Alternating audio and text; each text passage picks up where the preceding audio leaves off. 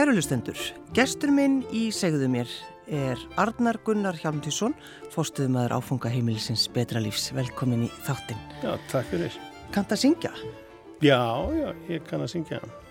Erstu góður? Bara þá, ég get ekki dæmt það sjálfur, en, en þeir sem að þekkja til, ég segja sér bara ljómandi fýtt, sko. Og Hvað segir bróðin? Bróðin minn hefur heyrt í mig, sko, og, og, og hérna... Margi segir sér mjög bara svipaður á pappi sko með í tenor og, og svipa klang í röttinni eins og hann var með sko. Já, og þá þurfur hlustundur að vita hver er pappiðin? Hann er Hjántir Hjántísson, ég er svonu hjónana Hjántir Hjántíssonar og Margreta Matjastóttur sem kynntust í söngnami hjá Sigurði Birkis í galvan daga og uh, þau náttúrulega þegar ég elst upp skilur það var alltaf einhver söngur allan daginn sko heima og uh, ég í raun og veru held að að þetta væri svona í öllum fjölskyldum. Já. Og, og hérna Svo fattar að það var ekki þannig. Nei, nei, ég áttaði mig á því þegar ég var eldri. Og hérna ég kom nú í, ríkisútvarpi sko fjögur ára gammal og þá söngi ég í útvarpið. Já. og reynda með allir í fjölskyldunni hjá Ingi Björgu Þorbergs og uh, mikið ertu heppin. Segðu. Og hérna Kart Billig mann ég spilaði undir hérna. Og hún á gítar. Og við vorum fengið hérna sískininn þá var Palli reyndar ekki fættur sko. Og við vorum fengið hérna sískininn til þess að syngja. Og þetta átti að vera svona eins og kemur bara inn á göttinu að vera live sko. Og hérna síðan spurði Ingi Björg mig og hvað ætlað þú að syngja? Og ég myndi ekki hvað lagi hétt þannig að ég sagði er lagi sem við sungum í gær. Þannig að hún hefur mm, mm. þá kom ég upp um það að við vorum búin að æfa sko. en hérna það var það var hérna Attikatti Nóa. Attikatti Nóa. Og, og ég er núna sem sagt búin að full nema það lag algjörlega á 52 árum. Og hérna skildist að þetta væri meiri sér grænlenska sko. Textin já, já, ég, ég, ég kann ekki grænlensku þannig að ég veit það ekki sko. Hljómar alveg þannig. Já, já getur verið. Já. en hérna það er kannski að fá eitthvað sem maður kann inn á þetta málið að tjekka á því sko. En, en varstu, sko voru einhverju draumar að vakna þarna hjá ungum dreng Arnar, vildur þú veist, læra að syngja og bara Ég fór að læra að syngja.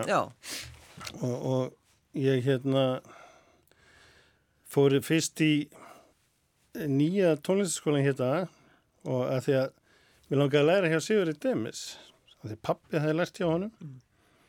og síðan að þá skráði ég mig þar inn og, og, og uh, svo var mér sagt að mæta þarna á hvernig degi og ég kem og, og þá var annar kennari sem ég átti að fá og ég var ekki alveg sáttur við það sko.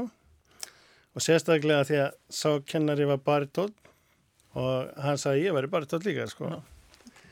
og ég uh, var ekki alveg sammálað því sko. Og hérna söngi ykkur aðrið fyrir hann sem að fóra alveg upp á HSC sko. Og hérna sagði við hann, það er enginn baritótt sem hann getur þetta. Og svo hérna aðvíkast það nú þannig að ári síðar eitthvað slíkt sko að þá að dittu að syngja í landakosskirkju með hverja tónleika. Og Sigur Demis var katholiki og hann hafi farið sem sagt á þessar tónleika og, og hann eh, ringdi heim í pappa og uh, var eitthvað dásamast yfir dittu og hvað þetta verið rosalega flott hjá hann og, og, og ég svaraði síman sko oh. þegar hann ringdi og ég spurði já hvernig maður kynna já Sigur Demis og þá segi ég bara já blessar, heyrði ég er að læra söngið og mér langar að koma að læra hjá þér þannig að þá og þú gerði það? já, ég fór bara heim til hans sko. já, já. Og, og, og hvað sagði hann? sagði hann við, við þig, þú kannt að syngja eða?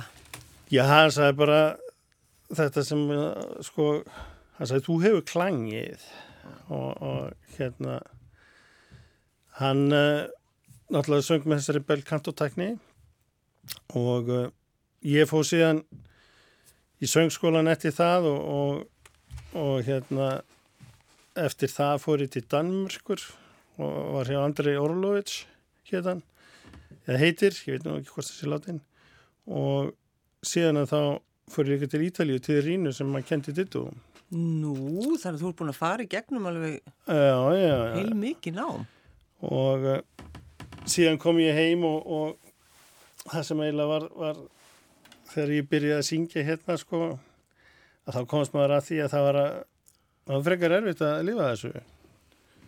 Og ég bara tók þá okkur en ég hef ekkert efna á þessu sko að vinna við þetta Mm. og hérna maður var náttúrulega mjög mikla skuldir á bakkinu og svona sko og þurfti að fara að vinna og, og ég smiður og fór að vinna bara við það og, og en alltaf sungi með og verið í kórum og svona og ég er mjög gaman að, að syngja En, en Arna Gunnar, sér það eftir því að hafa í rauninni hugsað, nei, ég hef ekki efna á þessu.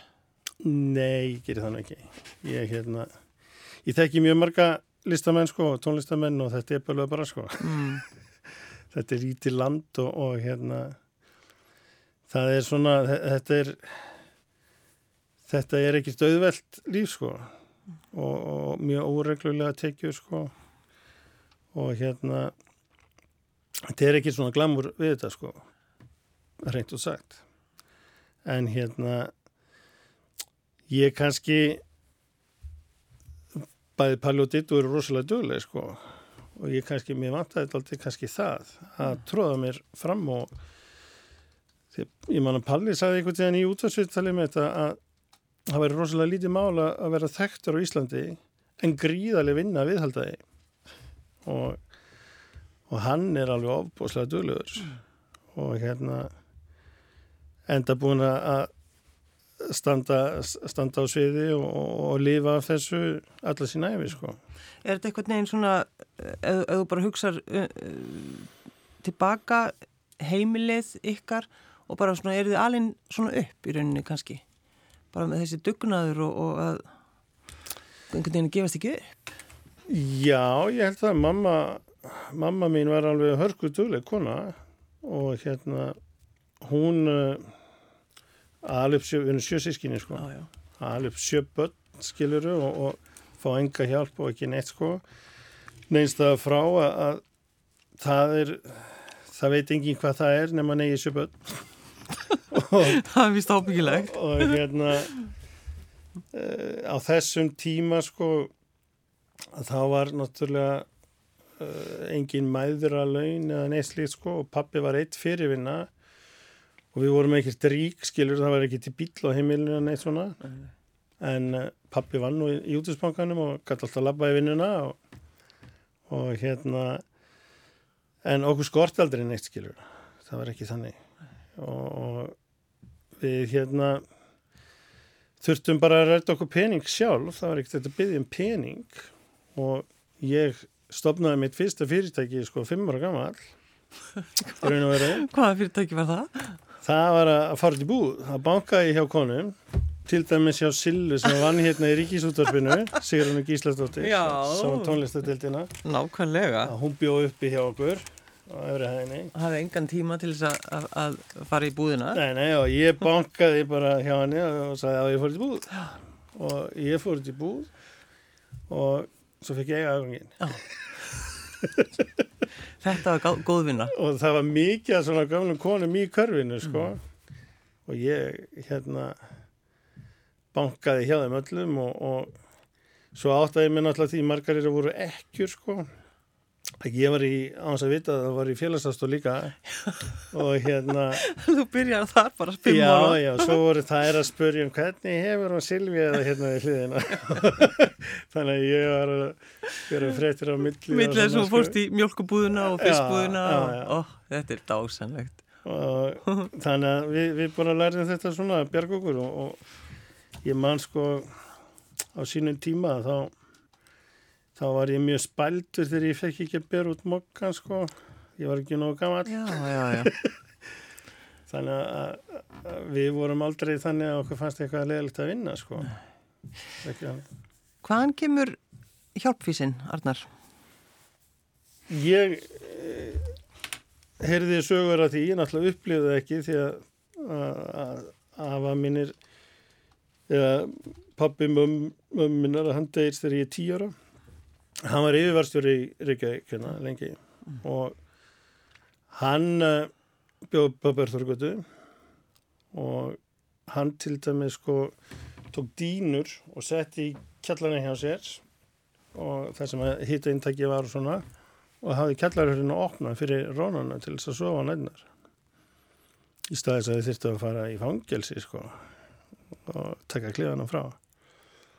Og uh, síðan að þá var afið minn í hína ættina í föðurættinni sko að hann er að vestlun lengi hérna í leikvöldu Hjón Tirsi og svon héttan og uh, hann uh, skrifaði hjá fóttöku fólki matur og svona. Og hann var braskari og hann eignaðist á tímabili eh, Bjarnaborgina. Og þar leiði hann sem sagt uh, uh, sjómasekkjum að búa fríkt því það var ekki félagsaðstofir ekki ekki sko. Og hann var nú kallaði fyrsta félagsaðstofin á Íslandi sko þeim sem þekkti til. Fyrir þetta þig, þannig að þú varst fimm ára. Tala við ekki en, en, en hérna og það er kannski kannski er þetta í blóðun á manni svo sagt sko, ég veit það ekki. Já, en sko, og, og einmitt þetta bara opna kjallaran vera með dínu niðri. Veist, í hittanum, þetta er náttúrulega þetta er svolítið sérstakt. Já, ég held að það er ekki allir sem að gera þetta sko. Nei, ég minna flestir skella hörðum þegar að Já, en, en þessi menn náttúrulega, ég manna mamma sagði að þessi menn voru allir söða minnlausir skilur, þau voru bara fórsjúkir alkálistar mm. Og uh, þá var náttúrulega vofur ekkert til og, og þetta er bara hérna réttið til stríð sko. En þá var alkálismi til. En þetta er náttúrulega sko það þarf að vera mikil kærleikur. Já. Til þess ég... að bara fólk uh, gerir þetta. Og eflaust bara hefur hann verið velu balinn að sínu fóreldrum mm. og þeir báðir. Að reynda sko í pappafjölskyldu þá var sem sagt langjaði minn og hann bjóði Eirabakka Sigurður og hann var nú landsfæra fyllibitta sko. Já. og besti hestatáningamæður á landinu þá. Menn komið með hesta sko norðan skagafyrir til hans að þjálfa. Og uh, hann uh, sem sagt sendir af að heima að við var elsta barn sko 16 ára gamlan til Reykjavíkur. Og uh, við þekkti engan í Reykjavík sko og hann fekk náttúrulega hest með sér fóð með einn hest til Reykjavík og til þess að fá einhvern, einhvern peninga þá þurfti hann að selja sláttarannum hestin sko. Og hann sat á tröpunum í Dónkirkjunni og þá kom þarna presturinn og uh, þekkti ekki drengin sko. Spurði náttúrulega hvað hann væri að gera þarna því það þekktust allir ekki ekki og hann hann sína sögu og, og presturinn tók hann að sér og, og gerði hann aðstóðar meðhjálpara og, og kendi hann um að lesa og skrifa og uh, Þetta er eins og í skáldsögu. Í raun og veru. En, en hérna svona eh, get, getur lífið verið sko. Já. en hann hérna var síðan braskar eins og kalla var í gamla daga sko var örgulega kallað svona viðskipta jöfur í dag. Minnst braskari, þetta er svo skemmtilegt orð. Hann, hann er braskari. Segir ímislegt og uh, hann hérna endaði nú þannig sko fyrir kreppuna miklu sko þá áttan eiginlega stóksir eru baka öll húsið þar sko. Mm. hann átti alveg yfir 40 hús í Reykjavík sko þannig að hann kom orsinni vel fyrir borð en, en var náttúrulega mjög skuldu þegar kreppan kom ah.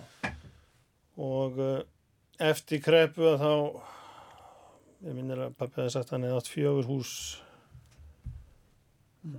eftir kreppuna sko ah. en uh, það er hérna uh, bara hluti sem gera sko þegar fólk skulda mikið þá getur það með sluti kreppan Íslendikar hafa upplifað það eftir þetta sko það er náttúrulega margir sem að lendi þessu í, í kreppinu okkar hérna 2008-2009 Jú, jú. En hvaðan Bernhöfts, það, það er eitthvað te tengt ykkur, Arnar. Já, er við hérna Amma Lúsinda Benhöft að hún er sem sagt bad, uh, badnabad uh, Daniel Benhöft sem að stopnaði Benhöftsbakari og hann kemur yngar til landsins 19 1829 Mm. og uh, að þá er hann er frá Slesvík sem var þá nú reynda þýst nei, Danslandsfæði en er núna þýst. Og hann hérna þekkti Jón Sigursson sem við köllum fórseta og uh, Jón stakk upp á því að hann kemur til Íslands. Og, og myndi kenna Íslendingum að baka því að hann var að læra bakara inn í Danmarku og uh, það var þannig á þeim tíma til þess að fá konungsbyrjaf sem var útskriftabyrjaf yðnamanna þá og leifi til þess að vera með innrækstur sem að bakara yðni var að þá þurftu við komum að þjóna í tvö ár í einhverju nýlendu Danakonungs. Og uh, Jóni fannst það gráu upplagt að hann kæmi hingað og hann ílengdist hérna sem sagt, kynntist íslenski konu og, og smíðaði náttúrulega Benhörstorfuna og uh, hún var útlutað lóð sem sagt í útjæðri Reykjavíkur hérna sem var austanlækjar Útjáðri Reykjavíkur. Já, við, við hliðin á fangelsinu Já. sem er fórsættisráð þeirra húsið í dag, mm. fórsættisráðanitið og uh, þar smíðaði hann sem sagt þessi hús uh, og fekk þau sem sagt að stóru leiti svona eiginlega eins og er, þegar maður kaupir tilbúin hús og sittur bara saman sjálfur sko frá Nóri, það er mikið þingboltin eru mikið þannig Já, byggð já, einmitt. einmitt.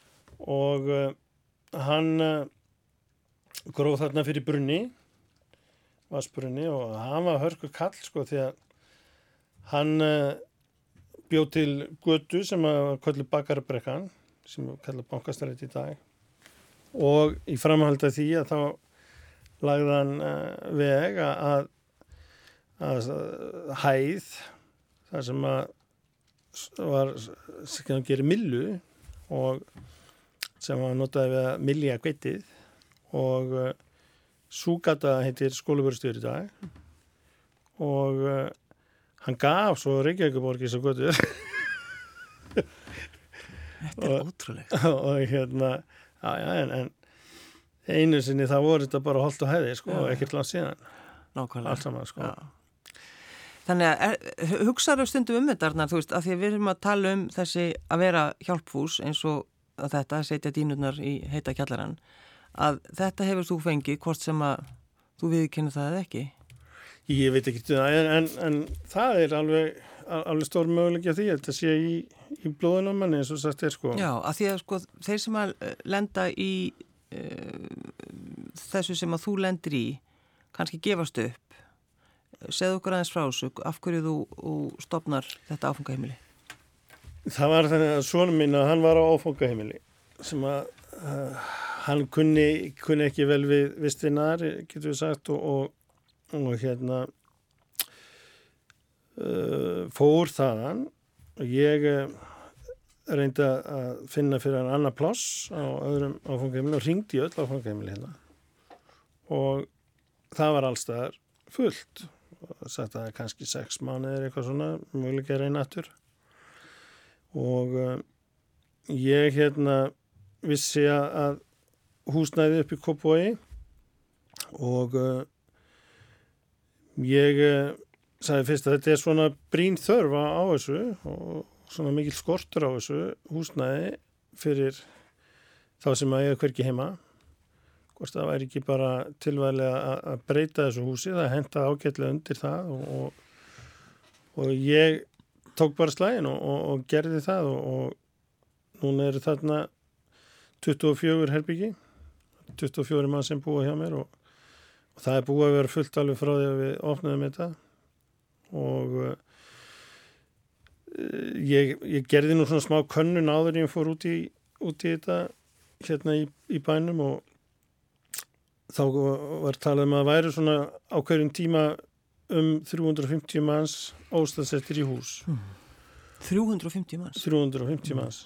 Og uh, af, þá voru pláss hérna í, í Reykjavík fyrir svona rúmlega 100 manns.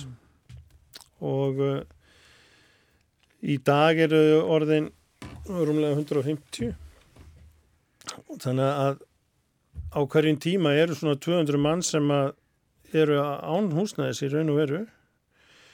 Gista þá í sofum hjá vinnu sínum sumir svo í bílunum sínum, sumir er náttúrulega bara ungir og hjá fóröldur sínum en skráðir óstaðsettir en uh, það er náttúrulega svo stór hluti af því sem að er í neyslu. Áfangaheimilin náttúrulega bara fyrir fólk sem er edru mm. og vil vera edru en uh, það er uh, ástandið mun skarra í dag heldur að var áðurning í byrjaði. Og hérna en þetta eikst alltaf í raun og veru þegar til dæmis svogur opnaði 1978 að þá heyrði þetta til undatekninga að fólk var í húsnæðislaust sko. En í dag er þetta bara 8-10% af þeim sem eru að koma meðferð sem að hafa enga stað til þess að fara á. Mm. og uh, ég fór og kynnti mér hérna félagskap sem heitir Housing First í Finnlandi. Og það leggja er semst ríka áherslu á þetta að fólk fái húsnæði fyrst áður að getur fara að vinna í sínum málum og ég hef heyrt það frá fólki sem er hjá mér sem er til dæmis að hafi verið gist í skilnu sem er mjög flott starf sem ég hjá Reykjavíkuborg að þar geta menn ekki sofið almennilega sko að þegar þið sopna þá er símaneður að stólið mm. og öllu sko og erfitt að halda sér eitthvað þar kannski. mjög erfitt sko já. og hérna hjá mér eru allir inn í sínu herbyggi hver sko og þeir hafa líkilaði sem ekki annar hefur já. og hérna geta læst það sér og svona að mér er privacy En ertu, þá, ertu líka að vinna bara þína einn vinnu, Arnar? Já, ég teka mig verkefni, ég er verktaki og teka mig verkefni þá En hvað fegstu pening til þess að gera þetta? Ég tók bara lán oh. og hérna þetta húsnæði sem ég er með að það er uh, það var kunningi minn sem að keifti sem sagt Fannborg 246 Akobósmæði með því skilir að fá byggja þetta 300 íbúðir en þar til að er framkvæmdi verða þá leiði ég þetta húsa á honum. Mm. og hérna er náttúrulega strax farin að lita öðru húsnæði. Mm.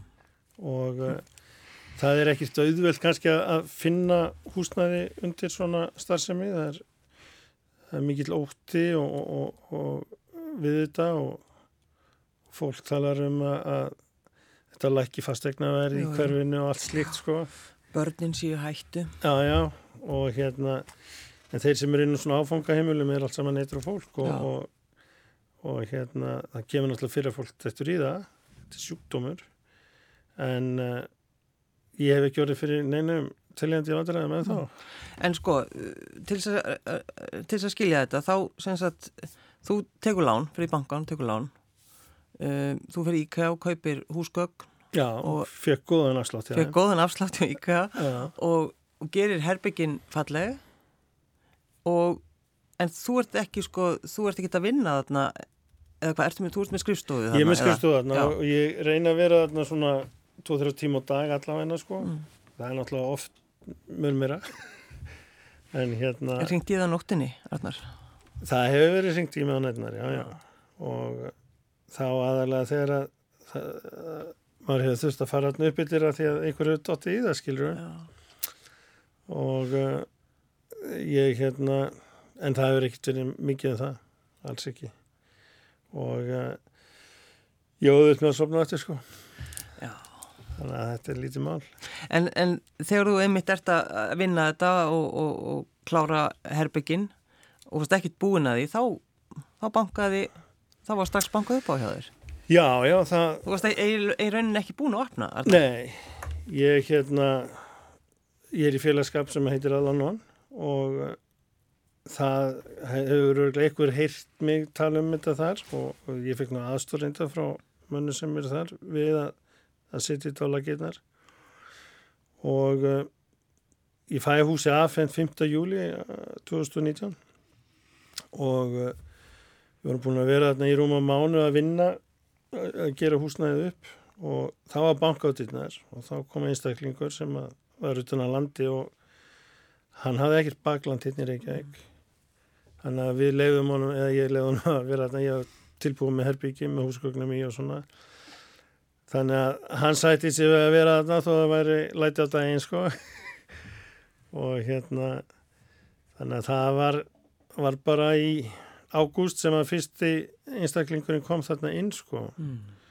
en við opnum formulega 24. oktober 2019 og þá var húsi orðið fullt sko þegar við opnum Þegar þið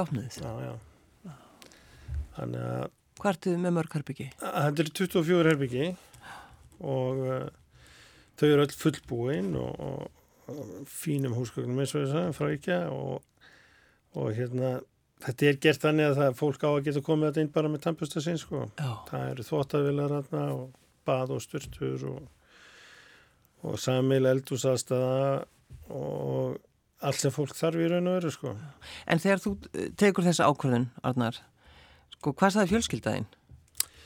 Það var, kona mér var ekki alveg sátt sko og hérna fannst þetta náttúrulega að vera óðsmannsæði en hún hefur nú róað svona með þetta í dag komið svona smá reynsla á þetta og uh, ég hérna það sem er núna vakið fyrir mér sko er, er að mann langar að halda áfram með þetta og, og ég fór þarna í oktober á fund á degi heimilslausra 10. oktober í nýri von hjá S.A.A. Og, og þar hitt ég mann sem að, að frá Finnlandi og hafði stopnað þessi samtök þarna Housing First og uh, hann í Finnlandi er þetta þannig að hann fær lán frá ríkinu á sérstaklega góðum vöxtum til þess að geta leikt þessu fólki uh, sem sagt húsnæði.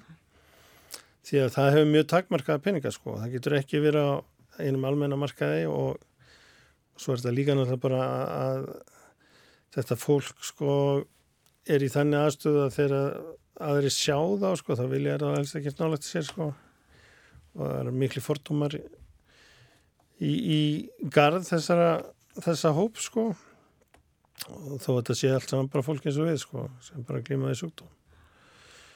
Og hérna ég eh, mér langar að að hérna ég er búin að finna annað húsnæði sko. Og uh, ég baði nú um viðtal við félagsmálar á þeirra sendi beðinni um viðtal til hans en þá kom COVID upp og, og því hefur ekki verið svarað en þá en, en uh, ég segi bara sko ef þeir geta að lána mér stein til að standa á sko þá get ég liftjörðinni fyrir á En þannig að þú ert ekki að fá neina, neina styrki, Arnar? Nei, ég hef ekki, ekki fengið það, ég bara ekki þetta sjálfur Já. og en ég get sótt um styrki þegar maður er búin að reyka svona í sex mánuði þá getur maður sótt um styrki á Reykjavíkuborg fyrir þá íbúa sem eru frá Reykjavík Já, já, ég mitt. En, en þetta er svona hlutur sem að snýr kannski svona jöfnuð í, í samfélaginu. Það, það er ekki allir jafnir sko.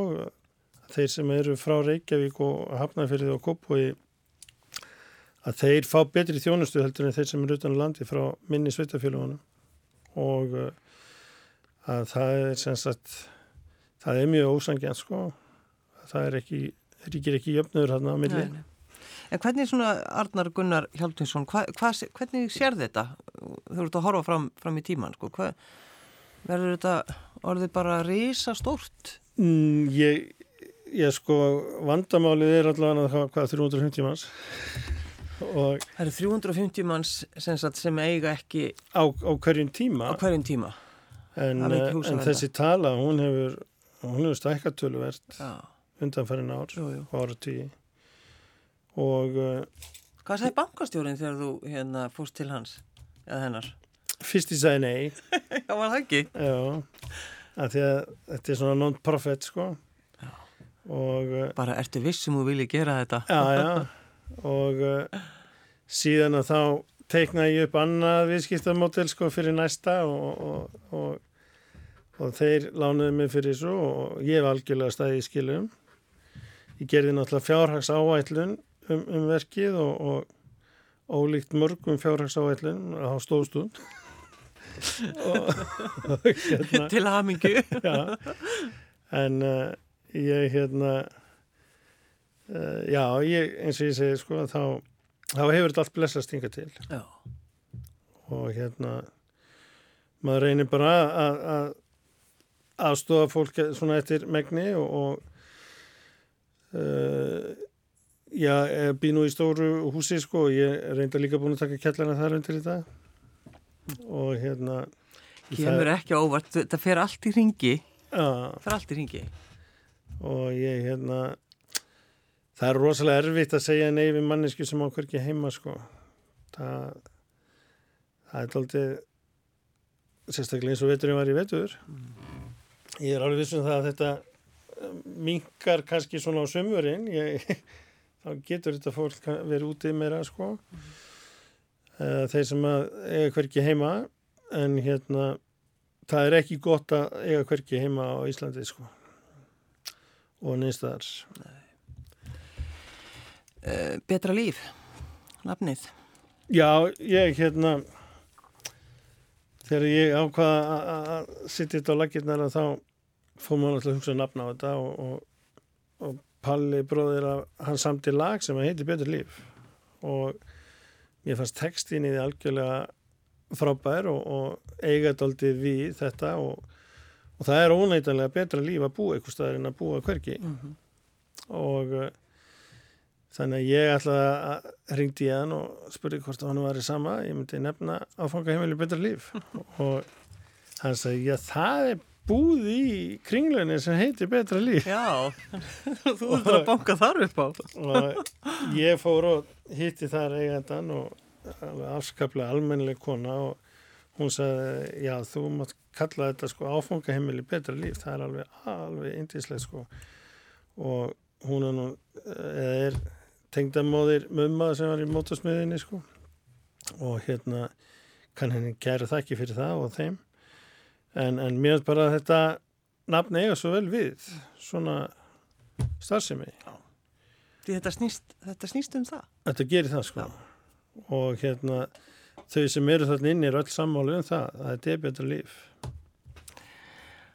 Arnar Gunnar Hjaltísson, fórstuðmaður áfangaheimilisins betra lífs. Takk fyrir að koma. og takk sem leðis Svo lít ég bara í kringum mig og sé alla þessa fegur næri mér. Ég tók því sem gefnu en staldrað aðeins við. Ég er á réttum tíma á réttum stað, hverjum get ég þakkað fyrir það. Ég opnaði augun og hjartað fann á nýtt betra líf af því ég fór loks að trúa því